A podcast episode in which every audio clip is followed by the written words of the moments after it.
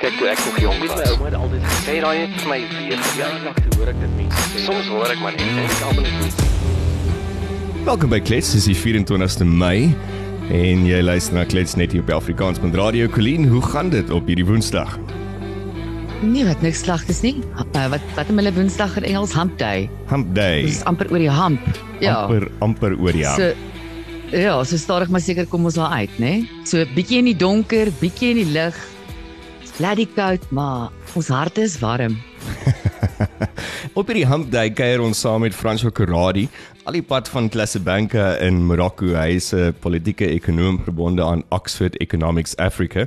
Hy spesialiseer in landrisiko in Afrika, rakende politiek, konflik, staatsfinansies, beleggings, beleid en handel. François, baie dankie dat jy dou voor dag opgestaan het vir ons om saam met ons te klets. Ja, môre. Dankie, dit is lekker om saam met julle te wees. So Fransja, dis 'n mondvol wat jy doen.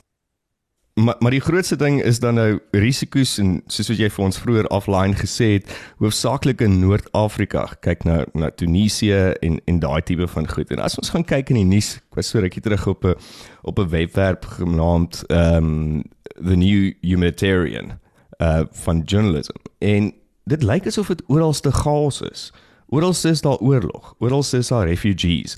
Wat gaan aan in Afrika? Um, ja, nee, dit is dit is so. Mense is besig om te verarm. Die grootste krisis is in die Sahel streek waar ehm um, dit, dit daar's daar's 'n klomp drywers en 'n klomp goed wat oor mekaar vleuel, maar die die grootste rede vir die vir die oorlog is is ehm um, vinnige bevolkingsgroei en die feit dat die veld in daai streek uh, besig is om te verarm. Jy weet die daar is net net minder veiding en water as wat daar was uh en en baie meer mense. So die mense kan meer lewe soos wat hulle ouers en voorouers gelewe het nie. Hulle stroom stede toe. Daar is nie formele werk vir hulle nie. Ehm um, so daar daar's 'n geweldige probleem van armoede en om werkloosheid. Jy weet en dan as jy dan nou wapens in die mix ingooi en mense wat kom met met uh uh gelowige redes hoekom jy moet kom oorlog maak dan dan is daar baie jong mans wat nou ingetrek word in hierdie jihadiese bewegings in.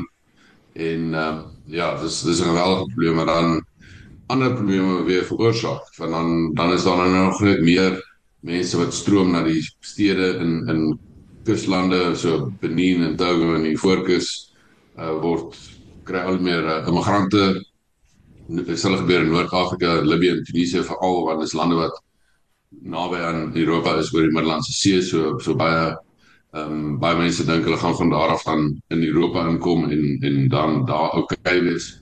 Uh so die die immigrasie het, uh, het baie probleme tot gevolg. die beleide van regerings maak net erger, jy weet dat hulle maak skuld heeltyd wat hulle dan moet terugdelg deur uh, hulle be bevolkings swaarder en swaarder te belas. Mm. Ja, so dit is net al dit raak al hoe meer moontlik vir al hoe meer mense om net voort te bly in lewe. So is hierdie 'n Afrika probleem. Is is dit ons ons boon almal in Afrika, ons is aan die suidpunt van Afrika, jy's nou daar heel noord. Is dit is dit Afrika se kruis hierdie? Dit dit is wel dalk voel dit nou vir ons so omdat ons in Afrika woon en, en ons hou dit meer dop, maar eh, die Uh ek dink dit is die klimaatsprobleme is erger in Afrika as elders. Uh, ons het 'n groter groter deel van ons totale bevolking, Afrika bevolking wat nou onderhewig is aan hierdie uh proses van van die val van woestyn word. Uh so ek dink ja, dit is erger is. En as ons gaan kyk na die goedes wat gebeur daar in Noord-Afrika, soos jy nou praat in Tunesië, ehm um, en as ons net 'n bietjie verder kyk na na um, ander gedeeltes soos Sudan, ons kyk na Rusland en ons kyk na uh, wat gebeur in Oekraïne. En ons bring dit terug Suid-Afrika toe. Wat wat is die impak van alles wat gebeur, kom ons sê bo die ewenaar eintlik? Hoe hoe affekteer dit die suidelike gedeelte van Afrika en spesifiek Suid-Afrika? Wel, ons het stresse wat wat ehm um, te doen het met uh, immigrante. So ons het nou nie so baie um, immigrante sê maar van van Burkina Faso en Sudan wat in Suid-Afrika aankom en maar maar jy weet soortgelyke goed is ook besig om te gebeur in ehm uh, Zimbabwe en Limpopo waar ook jy weet dat die die mense kan nie kan nie meer van die van die grond af lewe nie en kom na ons toe by die met die spannings op ons gesondheidstelsel en en jy weet ja. allerlei die publieke administrasie wat ons al gesien het uh die blokreaksie uit van ons mense wat nou voel ja hier kom die die buitelanders in en vat ons werk en dit en dat. Hmm. So dit dit is 'n dis 'n groot rede. Ehm um, en dan ons ek die die wanbestuur uh in die regering is is van soortgelyke aard as as elders, jy weet waar waar ons regering wat wat ander ander skuld maak uh wat die mense moet afbetaal uh in die vorm van hoër belastings. En en dit is iets wat die die die stres wat daar daai uitkom um word net meer. Hmm. En as ons net praat van die ekonomie en ons kyk na die Suid-Afrikaanse ekonomie, ehm um, wat onlangs gebeur het met die hele situasie met Rusland, ehm um, en en die ou skippie ehm um, wat hulle almal gedink het is moontlik 'n skippie wat die begin was van Cape to Rio, maar toe is dit nou nie. Ehm um, dit is nou iets anderste en en al daai invloede, load shedding praat ons ook van baie sterk in Suid-Afrika. Ek vermoed jy mis dit glad nie op die stadium nie. Ehm um, en en as ons kyk na daai goeie Suid-Afrika was altyd een van die sterkste ekonomieë in die kontinent gewees. Maar tans is ons nie meer nie. En wat is die rede dink jy daarvoor? Uh wel krag is die die grootste rede. Dit is ehm um, jy weet as al elektrisiteit is nie dan ehm um, dan is al dit klomp maatskappye wat nie kan kan werk nie. Uh so dit dis definitief die grootste rede. Uh daar's ook allerhande in die die regering is heeltemal te gereed om in te meng met die private sektor in terme van reëls en regulasies daar sit uh wat wat werk moeilik maak vir mense. Ja, so dit dis die twee groot redes en dan dan is daar ook uh, die feit dat ja die infrastruktuur benewens die krag nou is nie wat hy moet wees nie. Ehm um, ja. veral op munisipale vlak. Hmm. Uh daar is heeltyd stories van maatskappye wat net nie meer dit moontlik vind om besigheid te doen in in kleiner dorpies in Suid-Afrika nie. En hmm. dis jy weet daar dis goed wat ook uh nie genoeg dekking kry nie, maar daar's waterprobleme, die paaie werk nie meer en ehm um, jy dan dan kan die maatskappy net nie meer in 'n sekere dorp in die Noordwes of in KZN kan dit ja. nie meer daar geld maak nie. En, en uh, so dit kom uit warm bestuur uit en en ja, ek wil ons kan dis regverdig met blame op die regering te sit. En en as ons kyk na na plekke soos byvoorbeeld die die oorlog getuieerde gedeeltes in in in Noord-Afrika, ons kyk na Zimbabwe byvoorbeeld wat een van ons buurlande is en baie mense sal sê Suid-Afrika is besig om die volgende Zimbabwe te word. Dink jy daar's waarheid wat daarin steek? Ehm um, wat wat kan ons leer by daai plekke wat ons anders te kan doen om nie noodwendig soontoe te gaan nie, as ek dit so kan stel? Ja. Kyk, ek ek dink daar is vroeër hoe sê ek so so Zimbabwe se regering is nog altyd besaan op PF nou al van 1980 af. Hulle is ja. nog nooit ontsetel nie. Uh en wat is natuurlik baie onsekerheid in die lug. Ehm um, met betrekking tot ons partytetiek, maar ek, dit lyk nie asof die ANC dieselfde ding gaan regkry uh om so vir 45 jaar aan bewind te bly. So dis een positiewe ding. Ehm um, ja, maar vir die res daar daar is 'n Dis ek sê daar daar is 'n groot deel die ANC is ook nie net een ding wat jy kan sê die ANC is sis en so nie. Dit is 'n ja. 'n groot klub wat wat ook nou dinge bietjie anders te maak, maar daar's definitief 'n stroom binne die ANC wat wat sal wel hê uh dit moet Zimbabwe word. Jy weet wat nie hmm. nie omgee se land verarm solank hulle self baie ryk is nie. En dink jy nie um, iets soos byvoorbeeld die die hoeveelheid ek bedoel ons het 'n paar jaar terug van die breintrein gepraat van al die mense wat uit Suid-Afrika uit geëmigreer het na ander lande toe. Op die stadium was dit daai tyd was dit hoofsaaklik blanke mense gewees. Die nuwe statistieke wys dat daar baie mense van kleur is, hoofsaaklik swart mense wat nou ook emigreer. Wat wat dink jy is die risiko van dit? Ja, nee, dit, dit is 'n dit is 'n groot slag vir ons ekonomie en dit is definitief besig om te gebeur. Dit is ehm um, baie opgevoede mense en en baie amper uh, loodgieters en houtwerkers hmm. en en bouers en so aan wat wat uh wat ook baie uiters belangrike deel is van van hoe ekonomie werk. Ehm um, wat is ons om die pad te vat want want hulle kan beter lewe maak elders, ja. Hmm. Nee, dit is kyk, dis dis 'n baie groot probleem. Ja. So so jy het byvoorbeeld onlangs het jy getrek na Casablanca toe. Uh woon nou in Marokko. Klink so romanties, né? Sounds like the ideal life. en en dit was daar was spesifieke redes vir jou gewees daarvoor. Dis relatief onlangs, uh, correct me if I'm wrong, is dit ja. omtrent 'n maand terug? Dit uh, amper twee maande was van April ek ons het aangekom ja. En en as jy nou terugkyk na Suid-Afrika met 'n bietjie met 'n bietjie afstand en jy jy lewe in 'n ander milieu ook in Afrika. Wat wat sien jy wat wat ons kan leer van van Marokko? Die grootste verskil uh, is dat die die polisie doen hulle werk en mense is bang vir die polisie. So dit is uh dit hmm. jy weet daar daar's 'n orde word gehandhaaf. Ehm um, daar is 'n prys om te betaal. Jy weet daar daar's daar is ehm um, regte wat ons het vir, vir, vir naam op die journalistiek wat hier is nie, jy weet joernaliste hmm. is baie bewus van wat hulle sê en nie mag sê nie. Uh, waarvan ek nie hou nie. Uh daar's druk op die vakbonde. Ehm um, jy weet jy weet daar daar's 'n mate waartoe die regering vir die ryk mense werk om om die vakbonde in toom te hou of ek ook nie hou nie. Uh maar ek weet die, orde wat gehandhaaf word maak maak 'n groot verskil. Dit is ehm uh, jy weet jy jy, jy jy weet jy is veilig in jou lyf te wees. Jy weet iemand gaan jou aansak of jou foon steel as jy as jy nou nie oppas nie, maar daar's nie van mense wat vir jy weet daar's iets soos moord, 'n moordplaag en so nie. So dit is die grootste verskil in terme van hoe hoe 'n mens voel in jou in jou alledaagse lewe. Hmm. Ehm um, en dit is dalk die die belangrikste ding en wat 'n baie moeilike ding gaan wees om om terug te kry in Suid-Afrika. Ek weet nie of ons weer of of, of ons van waar ons nou is gaan kom na 'n plek met 'n Uh, ja, ek dink een van die groot dinge wat wat missing is op die oomblik is daai orde, daai orde wat ja. missing is wat jy van praat. Dis nou.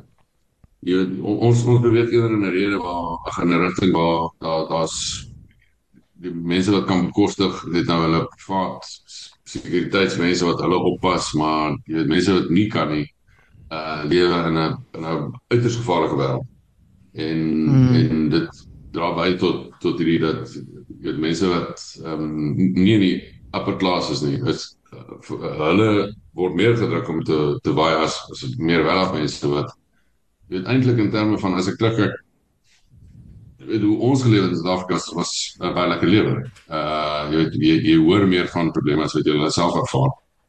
Hmm. Behalwe nou vir die krag. Ehm um, maar die die die stres op op die hele samelewing is is is ekstreem. Dit is nie hoe mens moet lewe nie. Hmm. Uh ja, so dis 'n groot grootste verskil. Ja. Maar dan daar's ook dalk uh maar toe toe omdat hierdie in my land is nie, is ek nie so krities oor oor sekere goed wat my as Afrika geplan het ja. soos sê maar rommel en so aan jy weet hier so is dit net so morsig soos 'n woensdag maar dit dit irriteer my nie eintlik dit is nie voel nie dis vir my om mm. geïrriteerd te word hierdie ja mm. Ja, mense is geneig om minder krities te wees op dit wat nie joune is nie, né? Ja. Ja, en nou, ja, ons het al hierdie ons het hierdie ideale ehm um, of die idealistiese idees gehad Fransjo van jy wat nou op die strand gaan sit maar nou voor die oproep te sê Fransjo vir ons Nee, as hy nou klaar gewerk het, moet hy ook net maar wasgoed was en hy skoon maak, jy weet. So ehm um, oral waar ons bly het, maar sy sy pros en sy cons. Frans, ek wil baie hoor oor oor oor die BRICS en die die BRICS lande, Brasilië, Indië, China en Suid-Afrika. En en watter voordeel daar regtig vir die lande en veral Suid-Afrika, Suid-Afrika wat eintlik maar die kleinste ekonomie binne hierdie ehm um, ooreenkoms is. Wat se voordeel is daar regtig en, en wat gebeur regtig in hierdie ooreenkoms? Uh ek weet tot wat kan lei tot praktiese vooruitgang want vir my op hierdie stadium en ek sien baie kritiek ook in die media wat uh, ek sien een van die koerante dit nou nog genoem 'n talk shop. Um, maar dit lyk net soos hierdie glorified WhatsApp groep en hulle hulle gesels en hulle gesels en hulle praat van currencies en en groot drome en hoe hulle die dollar gaan opneek en wat ook al, maar dis dis praat praat praat of of is ek verkeerd? Is ek oorkrities en hulle sit actually agter toe deure en werk hulle gate af? Nee, nee, ek ek stem mee met jou son dat ek dink dit is net 'n talk shop so dat daar's die BRICS is maar net ehm um, daar is niks eintlik wat daar is nie behalwe nou vir die die nuwe ontwikkelingsbank. Ehm um, maar dis die enigste entiteit hmm. wat wat bestaan uit hierdie uit die BRICS uit vir die res is dit 'n talkshop. Daar's 'n sekretariaat wat sover ek kan agterkom 'n uh, 'n 'n kantoortjie is in die in die Russiese uh, buitelandse ministerie. Jy weet wat wat so omgaan en en ehm um, jy dan elke nou en dan hoor jy in die nuus dan skryf die joernalis nee hierdie land uh, gaan dalk lid word van BRICS en hierdie een gaan dalk lid word van BRICS. Mm.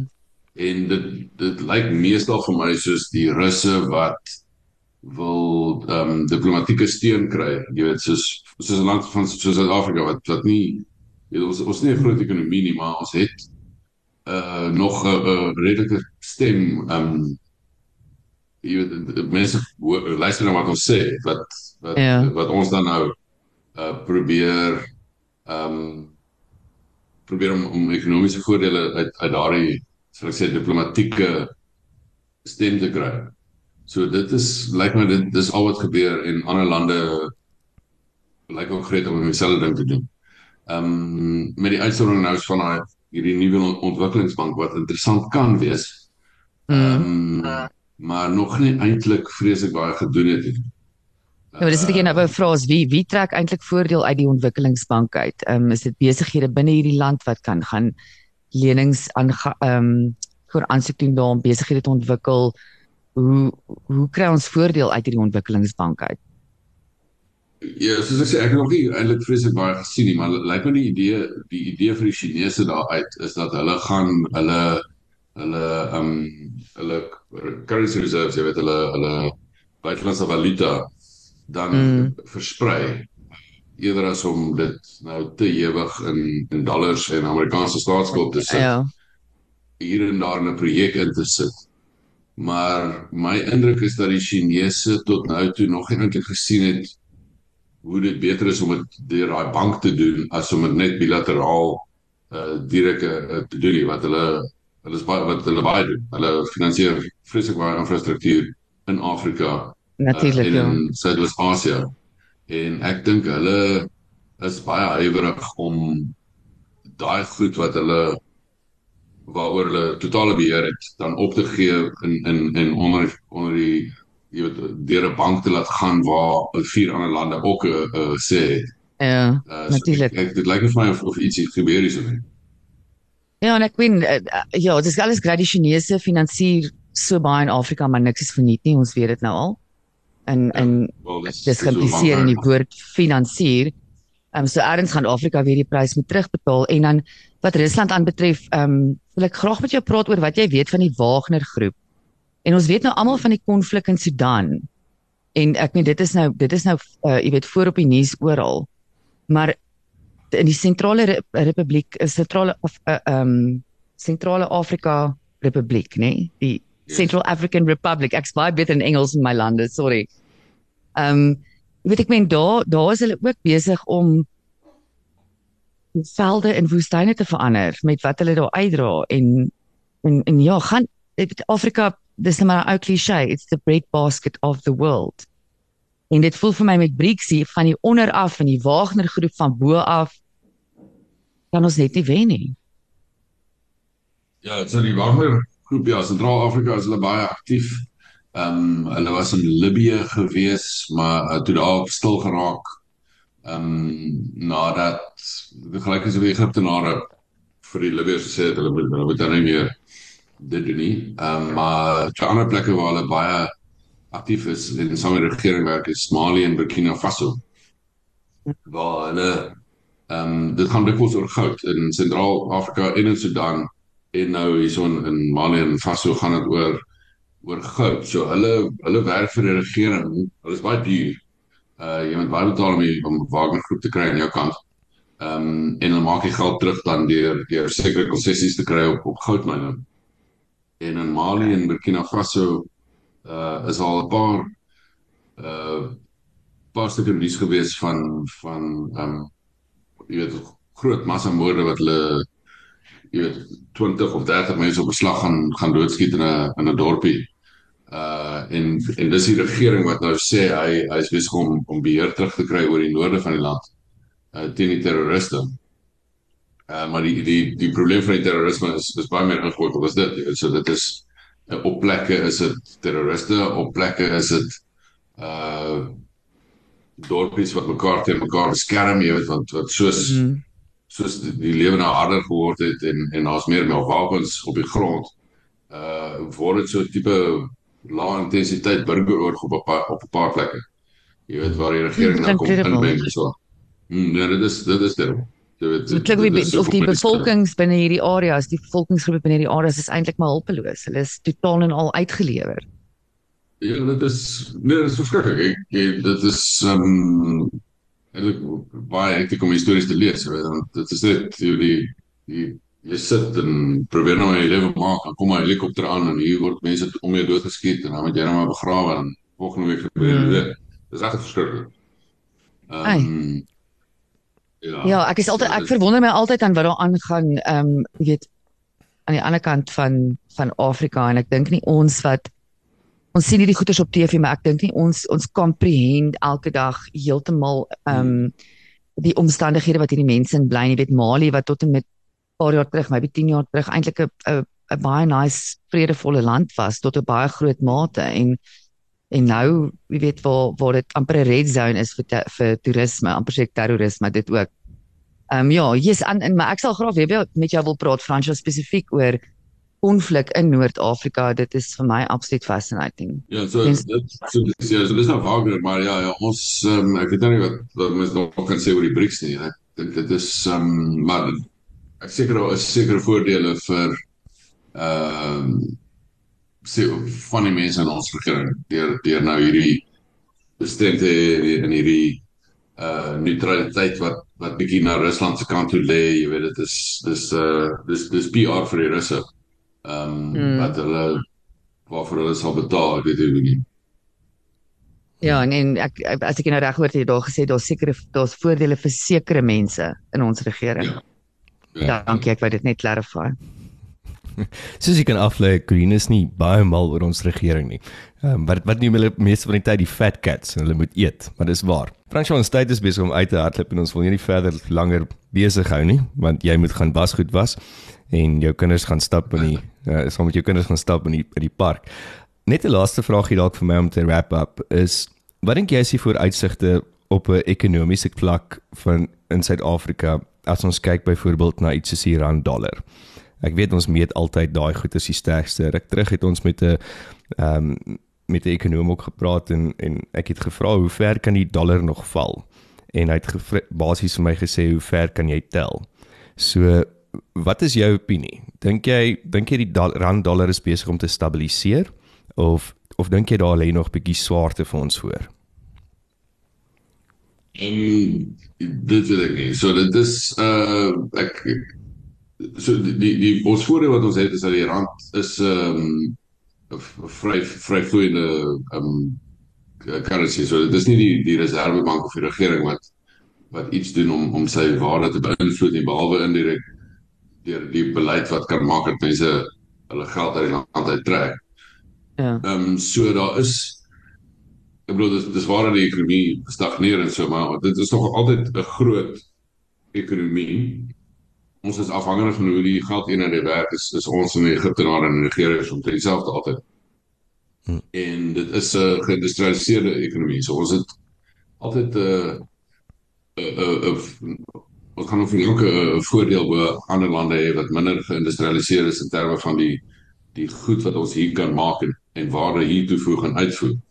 Uh so dit is daar is redes jy weet die, die land die ekonomie is nog 'n groot Ehm um, maar ja, so ek ek elke keer as die, as die rand val, so dis waar baie mense wat currency trade sê dis waar jy geld maak, jy weet, as as as daar so paniek hmm. beweging is, dan koop jy die rand wanneer hy goedkoop is en dan hmm. maak jy geld terug.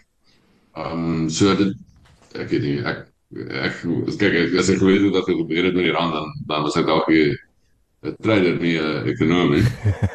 maar uh, ek Eh, dit is asof dit net van uh, in 'n paar dae gaan gaan val die, die goed wat maak dat dit gebeur met 'n geldeenheid uh die die die druk van geld om om uh die salarisse te betaal en so aan. Dit dit gebeur in Suid-Afrika. Hmm. En dis die ding wat regtig 'n uh, uh, currency collapse hmm. uh, tot gevolg het. Hmm. Okay. So dis nie goed wat in Suid-Afrika gebeur. Ja, so hopelik bly bly ons president en ons regering maar net so bietjie stil want as hulle as hulle hoes dan poep hier rand. Ehm um, so ehm um, hopelik bly hulle stil die volgende paar dae. Nee, kyk, dit is ding dat ons ons uh, ons kan gelukkig wees die, die reservebank word uitgelos en en en sy job goed. Ja, exactly. Verseker. Just get out of their way. Fransjo bye bye, dankie vir jou tyd. Dankie dat jy saam met ons geklets het, jou insig ge, gedeel het met ons oor oor Afrika, die ekonomie, ehm um, en konflik en ons sal verskriklik graag weer met jou wil gesels 'n um, bietjie verder in diepte. Dit was dan klets die 24ste Mei. Uh dankie dat julle geluister het. Onthou om na die ander programme te luister op afrikaans.radio en ons klets môre weer verder. Lekker dag. Bly. Kyk toe ek nog jong was, my ouma het altyd gesê daai het vir my weer lank hoor ek dit mense. Soms hoor ek maar net en ek almal net